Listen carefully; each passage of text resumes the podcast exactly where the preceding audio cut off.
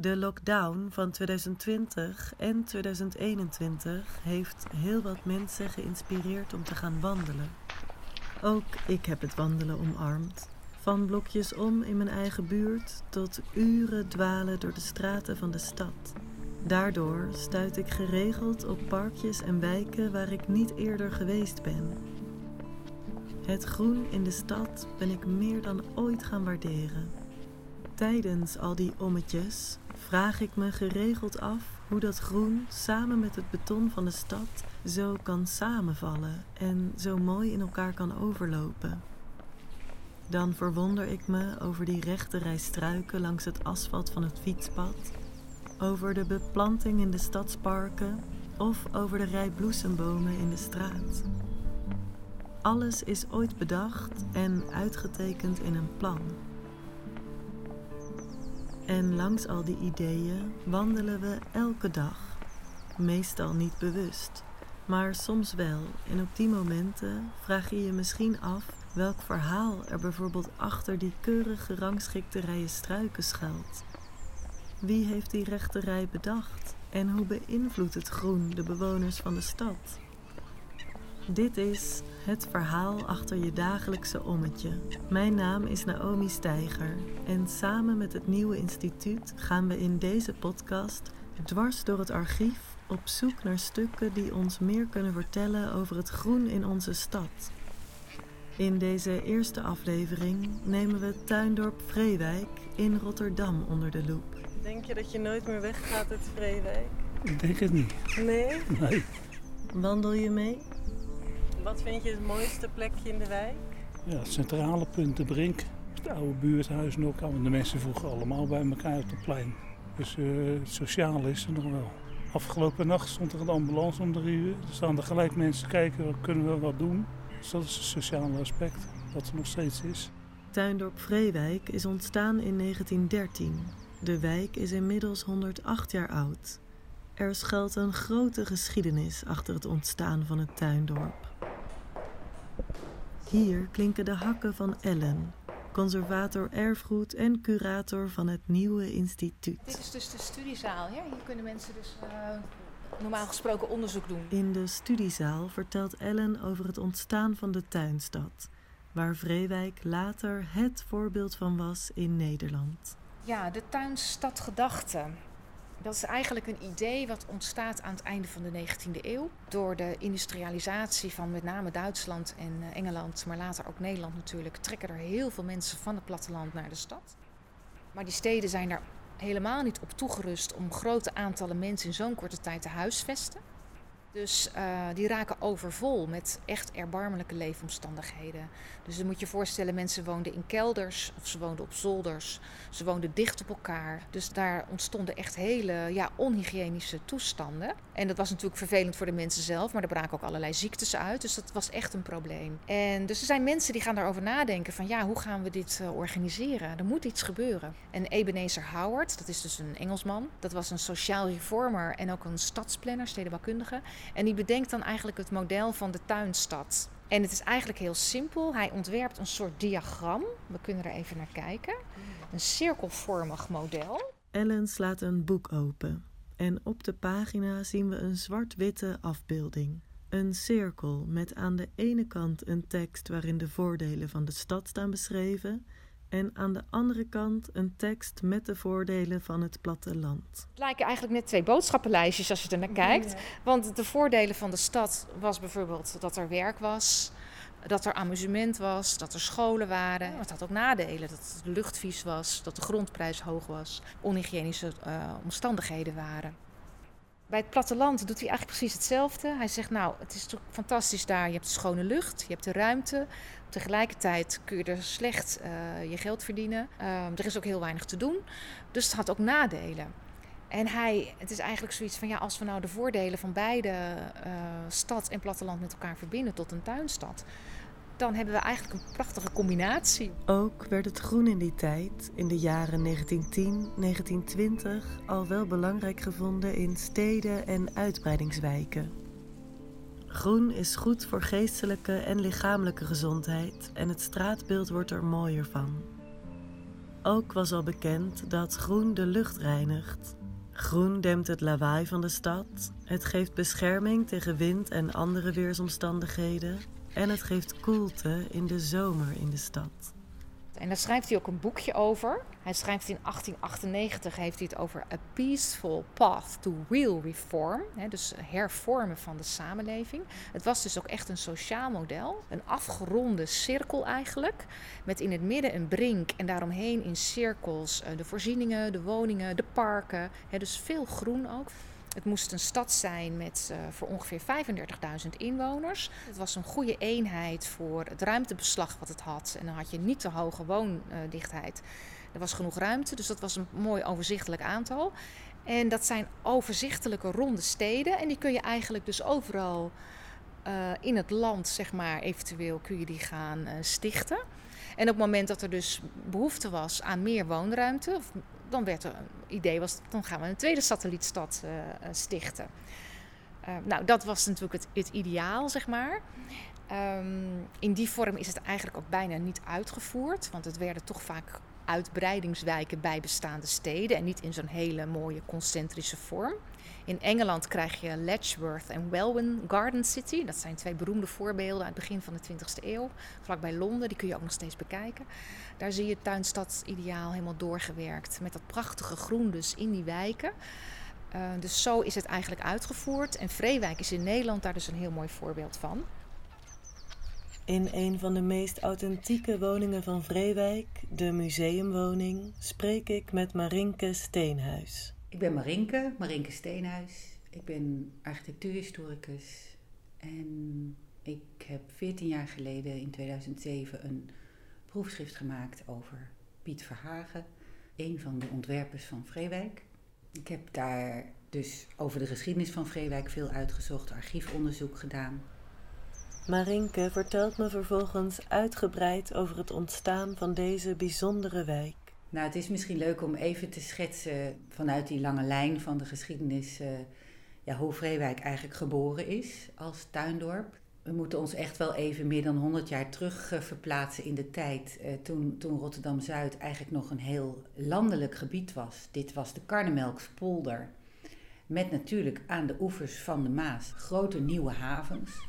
En daar werd het bulkgoed uh, verwerkt. Dus de kolen en het graan en uh, het grind. Allemaal heel arbeidsintensief werk. Met grote zakken. Er waren nog geen containers. Dus daar waren heel veel handjes, zoals ze dat toen noemden, voor nodig. Dus van heinde en verre, uit Drenthe, uit Brabant, elders uit het land, kwamen arme mensen, arbeiders, naar Rotterdam om nou, werk te vinden. En dat werk was vooral op die zuidelijke oever. Maar ze gingen vaak wonen op de noordelijke oever, want er was op de zuidelijke oever eigenlijk nauwelijks te wonen. Er waren wat boerderijen en nou ja, heel weinig uh, bebouwing. Zie je ook heel mooi op oude kaarten. Uh, en er waren ook geen bruggen, dus het was best uh, wel een gedoe om dan naar je werk te komen. Dat, dat speelt in Amsterdam ook nog steeds, hè, de, het ei, maar hier ook. En toen eh, dacht de volgende directeur gemeentewerken, meneer Burgdorfer, die dacht, nou, dit moet er toch iets doen aan die Zuidoever. Dat gaat zo niet. Het klopt niet dat de mensen wonen waar ze niet werken en andersom. En die heeft toen eh, een van zijn ambtenaren, meneer Kok, naar Engeland gestuurd in 1911. En die is al die Engelse tuindorpen gaan bekijken. Port Sunlight. En nou ja, daar had je al een traditie van fabrieksdirecteuren die, die tuindorpen maakten lieten bouwen voor hun arbeiders. En dat klinkt heel nobel, dat is het ook, maar het is ook heel verstandig, want je hebt ook controle op je arbeiders. Um, dus dat idee van die tuindorpen, dat waaierde eigenlijk over Europa in die jaren. In Duitsland hebben ze er ook een heleboel gemaakt. In Frankrijk iets minder, maar ook wel. Nou, dacht Kok toen hij terugkwam, ik schrijf dat allemaal op in een rapport en uh, we, dit is wel wat voor Rotterdam. En die Zuidoever, dat is zware kleigrond.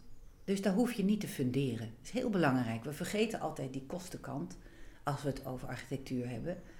Maar niet funderen, dat, dat scheelt best veel geld. Dus dan kun je op die zware kleigrond eigenlijk relatief eenvoudig bouwen. Want het gaat dan niet verzakken. Toen meldde zich eigenlijk in 1913 een groep ondernemers. die allemaal belangen hadden op de Zuidoever. De Holland-Amerika-lijn, Thomsons havenbedrijf, maar ook meneer Van de Mandelen, latere voorzitter van de Kamer van Koophandel. Dat was een, ja, we zouden nu zeggen, een sociaal-liberaal. Dus geld verdienen prima, maar ook goed zorgen voor je uh, personeel. En die meldden zich uh, met de hoed in de hand bij uh, het gemeentehuis en werden daar ontvangen door Piet Verhagen. Want die was op dat moment chef stedenbouw. En ik liep net nog even langs het mooie plein op de Brink en daar staat dan hè, doelstelling, de uitspraak van Van der Mandelen, is een meer harmonisch leven voor de stedeling. En dat is eigenlijk heel ontroerend, want als je je voorstelt hoe heftig dat hier was en hoe hard die mannen moesten werken en hoe ze hier eigenlijk vanuit een andere omgeving, plattelandsomgeving, eigenlijk naartoe kwamen um, en ja, een nieuwe gemeenschap moesten vormen, daar waren de ontwerpers en ook de opdrachtgevers, de ondernemers, zich heel erg van bewust. Hoe maak je een dorpsgemeenschap? Hoe doe je dat?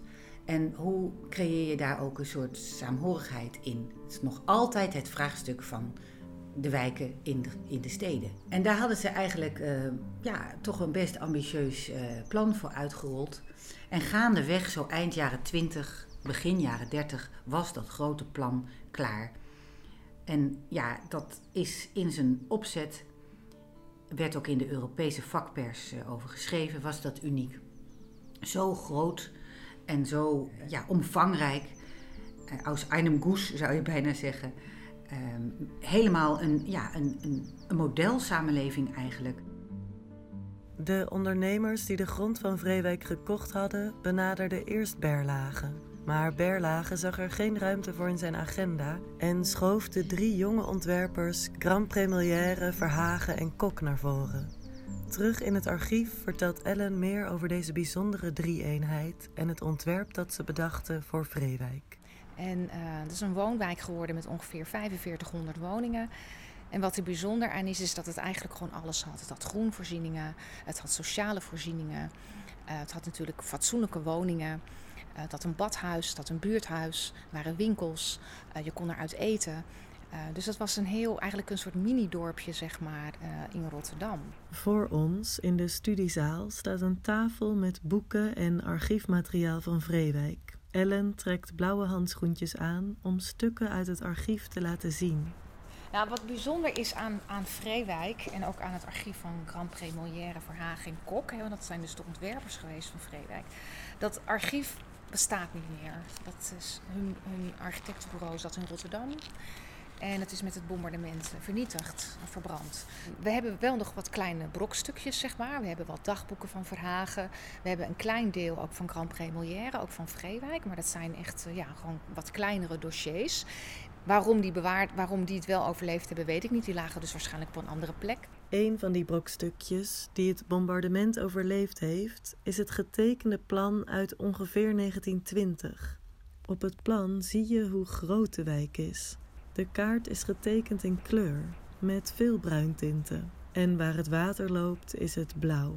De bomen zijn aangegeven met kleine rondjes, getekend langs de lange lanen van Vreewijk. Dit is Vreewijk. Hier zie je het dus. Hier is het noorden, hier is het zuiden. Je ziet hier die twee waterlopen, zeg maar. Uh, nou, dat zijn dus oude waterlopen die al in dit gebied waren. Want het was natuurlijk een polder. Hè? Ja. Er was niks. Dus, um, en wat, wat belangrijk aan het plan is ook dat eigenlijk de, de, onderliggende structuur van die polderverkaveling, die is eigenlijk ook nog meegenomen in dit ontwerp. De, de ene kant, zeg maar, die maakt een knik van uh, meer naar het, uh, het, het, westen toe. En deze zijn helemaal recht. En als je kijkt op oude, oude kaarten, zeg maar, dan zie je ook die structuur uh, van die polder, die zie je ook terug in dit, in dit plan. En dat was ook wel echt wel iets van uh, Verhagen, omdat die bestaande landschappelijke structuur en ook de bomen zoveel mogelijk te respecteren, om door te laten werken in zo'n nieuw ontwerp. En het groenplan is echt heel erg bijzonder van Vreewijk. Ik ben er toevallig gisteren nog geweest, heb ik er gewandeld en het is werkelijk prachtig. De bomen die ook nu bloeien natuurlijk, maar al die, die afwisseling in dat groen. Je merkt echt dat het iets toevoegt aan je leefomgeving als je in zo'n wijk uh, woont. Dus je moet je voorstellen, um, er lopen twee uh, waterwegen door uh, Vreewijk. Dat zijn dus eigenlijk oude waterlopen die vergraven zijn tot singels. Nou, die zijn allemaal beplant met bomen of met groepjes bomen. Die hebben prachtige grasvelden die iets naar beneden lopen, zeg maar. Dus een mooie oever ook. Uh, verder um, zijn de woonstraten zijn echt heel mooi qua groenaanleg. Ze hebben of een rij bomen aan één kant, of ze hebben groen perkjes in het straatprofiel. Ze hebben al, bijna allemaal voortuinen. Uh, er zit heel veel verschil in, zeg maar. Nou, dan heb je natuurlijk de achtertuinen. Um, die je ook kunt waarnemen, want er zijn veel heggen, dus weinig schuttingen. Dus je kunt het, het is allemaal nog vrij open ook in die zin. En achter die achtertuinen lagen dan vaak nog gemeenschappelijke binnentuinen. En die zijn dus weer met looppaden met elkaar verbonden. Dus je hebt een heel weefsel van achterpaden, zeg maar, dat je wandelend door Vreewijk kunt. Dus, uh, dus er is heel veel verschil in groen. En je hebt nog een hele strook met sportvelden. Nadat we de kaart bekeken hebben, vertelt Ellen me iets meer over Pieter Verhagen. Het groen in Vreewijk hebben we vooral aan hem te danken. Ja, want Verhagen was natuurlijk, um, behalve dat hij dus heel veel wist van stadsplanning en stedenbouw en van regionale planning, was het ook iemand die heel erg van de natuur hield. Dus was iemand die heel veel wandelde. En hij had dus ook heel veel botanische kennis. Dus hij wist van planten, bomen en dergelijke waar ze moesten groeien, hoe ze groeiden, hoe het werkte met de seizoenen. Dus het was, hij was echt wel een botanist eigenlijk, kan je zeggen. Dat was niet zo heel erg vanzelfsprekend hoor, dat iemand die combinatie had van stedenbouw, stadsplanning en die, die kennis van de natuur. Ja, Vreewijk is echt wel de vrucht eigenlijk ook van uh, zijn botanische kennis en uh, expertise en liefde voor de natuur natuurlijk. En we, nou ja, het archief van Verhaag is ook eigenlijk verloren gegaan, maar we hebben wel een aantal persoonlijke documenten van hem ooit verworven. Waaronder dus ja, prachtige schetsboeken. Dat zie je liggen schetsboeken waarin je dus ziet dat hij echt ook gewoon de natuur tekent. Hier dus een paddenstoel. Je ziet ook dat het natuurlijk met heel veel aandacht en detail uh, getekend is. Maar hier ook zo'n boom, een iep, ook in houtskool getekend. Hier zie je ook dat hij ook gewoon ook onder de indruk is van de natuur. Hè? Dat majestueuze, wat zo'n boom, wat dat is in een landschap. Er staat een mensfiguurtje bij volgens mij. Dus die schaal is natuurlijk ook imposant. De liefde voor de natuur is niet alleen terug te zien in zijn schetsen, maar ook in het boek dat Verhagen na de Tweede Wereldoorlog schreef. Het geluk van de tuin. In dit boek beschrijft hij onder andere tuinen die hij gezien heeft en die hem zijn bijgebleven. Hier heeft hij het over een klein dorpstuintje in het karakter van een boerentuin. En dat vindt hij dus een hele mooie tuin. En dan schrijft hij dus ook iets over die beplanting. En dan schrijft hij onder andere: De bloembeplanting was van een prachtige eenvoud. Natuurlijk door de moesbedjes erg beperkt. Alleen maar direct langs de paadjes en nog niet eens overal. Eerst de bolletjes, vooral sneeuwklok, kraaltjes en narcis. En bovenal schitterende fritillaria's, ook primula's en ruikende viooltjes. En dan muurbloemen en de kleine lichtblauwe vergeetmijnietjes van het vroege voorjaar. Later nog een paar pioenen, een groep madonna-lelies en natuurlijk wat vloksen. Ten slotte aardig wat herfstasters en herfstchrysanten bij het huis en in de hoeken. Een echte inventaris voor een boerentuintje. Naast Verhagen en Kok is Grand Première ook iemand die we niet kunnen overslaan als het over Vreewijk gaat. In het tijdschrift voor Volkshuisvesting in 1921 schrijft Grand een artikel met de naam Een rondgang in het eerste Rotterdamse tuindorp. Daarin beschrijft hij zijn visie hij vond dat tuindorpen en specifiek Vreewijk niet mochten ontstaan vanuit een afkeer van de stad met commerciële en economische waarden, maar vanuit een streven naar verbondenheid tussen een groene leefomgeving en een stedelijke cultuur. Grand Pré nam afstand van het idee van de tuinstad als romantische idylle en als een vlucht vanuit de stad naar de natuur, omdat hij deze tegenstelling niet zinvol vond. Hij vond dat natuurbeleving en een stedelijke cultuur in de vorm van voorzieningen zoals winkels en educatie met elkaar verbonden moesten zijn. Als ik rondwandel in Vreewijk, zie ik een mevrouw in haar voortuin bezig. Ik spreek haar aan over het groen in de buurt. Ze kijkt blij verrast. Ze is 90 jaar oud en woont al sinds haar 28ste in Vreewijk. Groen is groen. Groen vertelt eigenlijk niks, alleen als het, als het rottig is.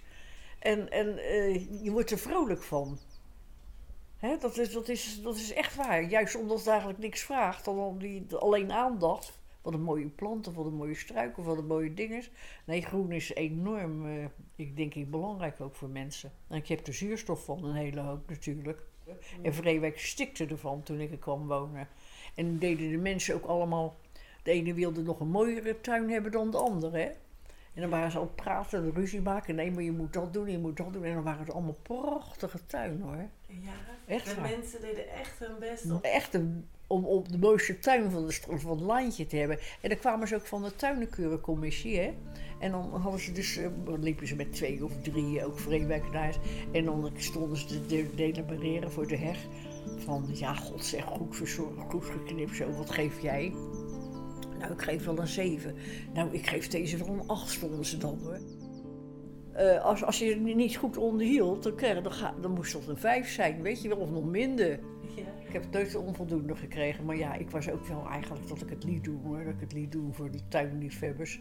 En dat, ik dan, dat ik ze dan een tientje gaf, weet je wel, weet je mijn tuin ook doen dan, weet je wel. dat vroeg u aan buren dan? Ja, dat vroeg ik dan aan buren. Die, die mannen die zijn al lang allemaal overleden. En als ze dan hun eigen tuin bezig waren, dan vroeg ik dat en dan uh, gaf ik ze wat, weet je wel. In het archief kan Ellen deze levendige herinneringen bevestigen. We komen een schets tegen van architect Samuel van Emden, die destijds les had van Grand Première. Hij schetste verschillende plekken in de buurt. Oh ja, dit is ook wel leuk. Oh. Dit is de kwekerij, geschetst op 10 oktober 1928. En je ziet hier dus een, uh, ja, een vrij groot uh, gebouw. Um, wat dus de kwekerij was. En ik denk dat eh, mensen moesten natuurlijk ook gewoon hun planten kunnen kopen en hun zaad kunnen kopen. En, eh, om hun tuinen natuurlijk gewoon in te kunnen richten. Ze wilden enerzijds de bewoners heel actief laten participeren in dat tuinenonderhoud.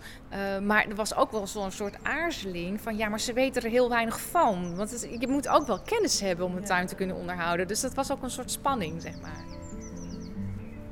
Er werd toezicht gehouden op de tuinen. En als de tuin er dus niet mooi bij stond, dan kreeg je dat te horen. En via die tuinwedstrijden probeerden ze dus positieve beloningen. Hè? Dus, dus wie de mooiste tuin heeft, uh, die krijgt een prijs. Als je dan een soort prijs gewonnen had, dan kreeg je zo'n klein plantje, zo'n klein vestplantje wat niet dood ging, weet je wel, wat maar bleef bloeien. Dat gaven ze, kwamen ze dan brengen, hè.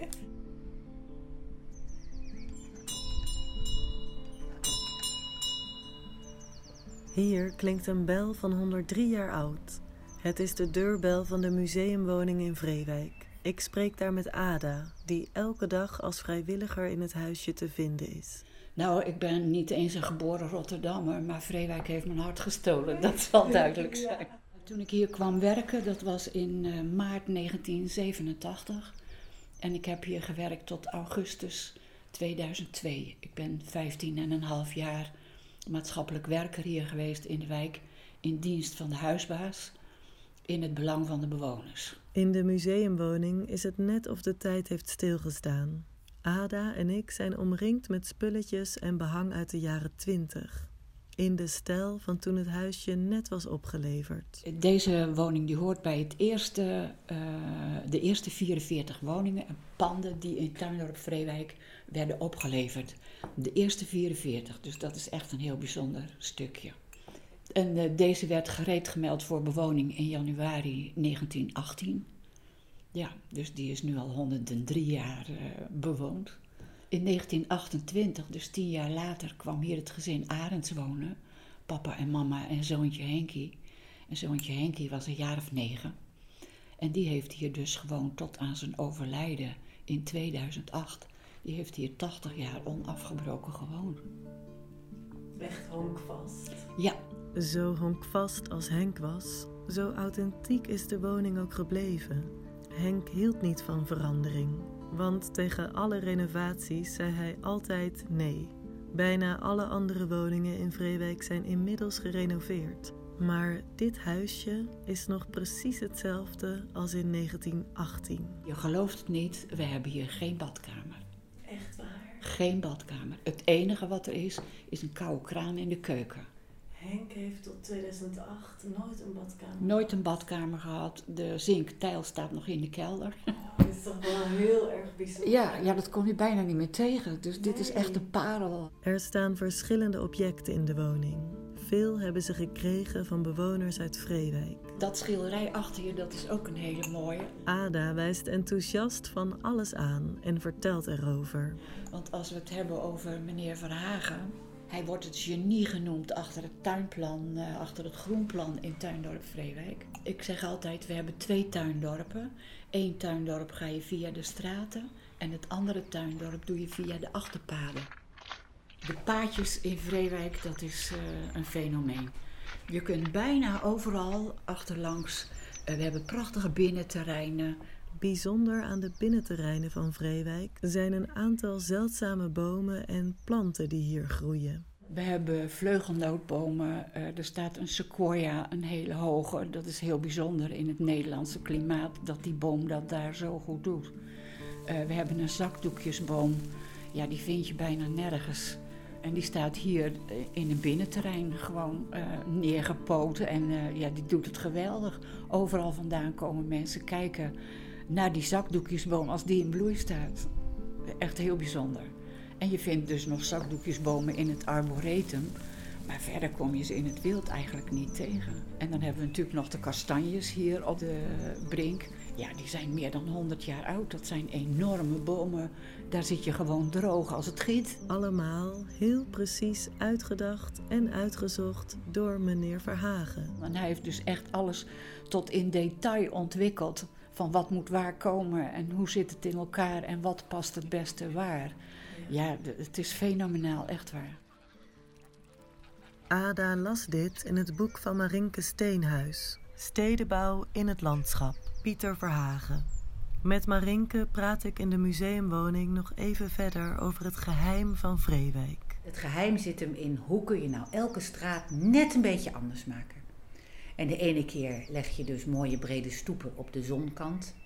De andere keer maak je een lang smal plantsoen met bijvoorbeeld bloeiende pruimenbomen. De andere keer geef je alle voorgevels dezelfde gouden regen of blauwe regen. Met kleine dingen waar je ook even een plekje voor maakt, dat die blauwe regen dan ook even in een bakje staat hè, aan de gevel, kun je dus heel veel bereiken. En ja, dat maakt eigenlijk in het hier en nu dat Vreewijk al 100 jaar het voorbeeld is voor ontwerpopleidingen. Nog altijd komen hier de TU Delft, de academies, de TU Eindhoven tekenen. Wat, wat gebeurt hier? Hoe kan ik dit snappen? De hele subtiele architectuur, die schreeuwt niet, die architectuur. Die, die zegt niet kijk naar mij, kijk naar mij. Die zegt wij zijn één tuindorp en we zijn heel groot, maar we horen als straten, buurten bij elkaar. Als je, als je je de bouwpraktijk voorstelt van die jaren, dan was dat niet vanzelfsprekend. Dan had je eigenlijk straten, uh, kijk maar naar de Dordtselaan bijvoorbeeld, of, of de Matenesserlaan, dan zie je allemaal ja, individuele uh, kunststukjes achter elkaar en ook soms niet zo kunststukjes, waardoor je een heel brokkelig stadsbeeld krijgt. En het streven van deze club, de ondernemers van de NV Vreewijk en de ontwerpers Grand Première Verhagen en Kok, was om ja, een einheitliches stadbeeld te maken, zoals de Duitsers dat noemden. Een eenheid in het stadsbeeld.